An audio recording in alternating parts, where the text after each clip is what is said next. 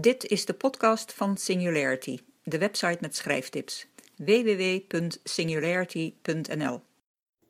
Deze podcast gaat over de romantische roman. Veel boeken vallen in het genre romantiek. Dat fictie vaak roman heet, zal daar wel delen aan zijn, ook al hebben romans lang niet altijd een romantisch verhaal. Het begrip roman wordt gebruikt als aanduiding van een fictieverhaal met de lengte van een boek dat gaat over de ontwikkeling van één of meer personages. Romantische verhalen vallen vrijwel altijd ook in een ander genre. Romantische thrillers, romantische horror, romantische fantasy of SF, romantische historische romans en ga zo maar door. Het romantische verhaal kent twee soorten eindes: het happy end en het tragische einde. Een standaardmodel bij een romantisch verhaal is dat de twee personages voor de lezer duidelijk voor elkaar bestemd zijn, maar door misverstanden of andere narigheid uit elkaar gedreven worden, of niet eens bij elkaar gekomen zijn. Bijvoorbeeld omdat ze elkaar denken te haten. Tot ze tegen het einde toch in elkaars armen vallen. Uiteraard. Een variant daarop is dat ze elkaar meteen vinden, maar dat het niet zo mag zijn. En dan loopt het fataal af. Denk Romeo en Julia. Dat is wat cliché, maar als je het goed spannend maakt, originele twist toevoegt en de lezer laat denken dat het verdorie echt misloopt, dan maak je van die formule toch een boeiend verhaal. Ook voor het romantische verhaal geldt dat spanning belangrijk is. En emotie helemaal. Maar misschien vind je het leuker om wat anders te schrijven dan volgens het standaardmodel. De basis van het romantische verhaal is de romantische liefde voor elkaar van je personages. Zonder dat is er geen romantisch verhaal. Maar voor de overige ingrediënten kun je het zo origineel maken als je maar wil. Zo kun je die personages of een situatie laten afwijken van het gebruikelijke.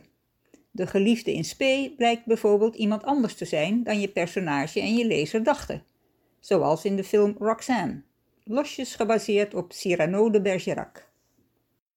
Ook met het aantal van de personages en de identiteit of soort kun je spelen. Dat de partners to be van een gemengd kleurtje zijn, of twee vrouwen dan wel twee mannen, is al niet meer echt bijzonder. Maar je zou het aantal partners ook kunnen uitbreiden naar drie of meer mensen. Dan heb je polyamorie. Of je kijkt buiten de eigen soort. Een mens en een alien of een vampier. En zelfs op een zombie kun je verliefd worden, zoals in de film Warm Bodies. Of neem een mens en een robot. In de film Her wordt Joaquin Phoenix verliefd op een operating system.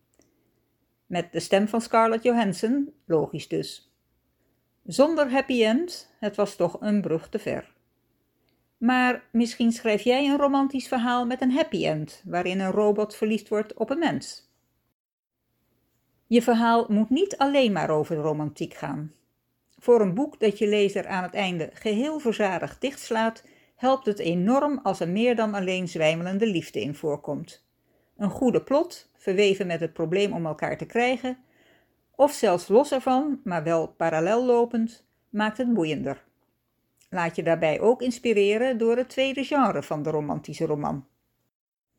Je kunt bijvoorbeeld een spannende thriller maken, bijvoorbeeld waarin de dader en de speurneus elkaar aan het einde krijgen. Of bijna krijgen.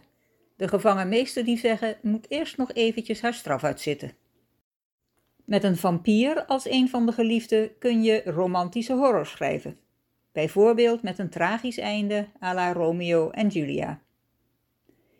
In een verhaal dat over eigentijdse romantiek gaat, kun je problemen die in het verleden niet bestonden, gebruiken om het de lovers moeilijk te maken. In een historische roman hetzelfde, maar dan andersom.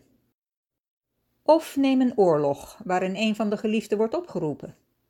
Komt hij of zij wel levend en met alle lichaamsdelen intact weer terug? In een historische roman kun je daar een twist aan geven door de vrouw, bijvoorbeeld een adellijke, maar daadkrachtige, kloeke dame, als man vermomd achter haar tot kanonnenvoer gedoemde geliefde te laten zoeken en redden. Of niet. Ik ben aan het einde gekomen van deze podcast en ik wens je veel plezier met je verliefde personages. Oh ja, vond je het leuk? Heb je er wat aan? Maak me dan blij door het te delen. Dankjewel.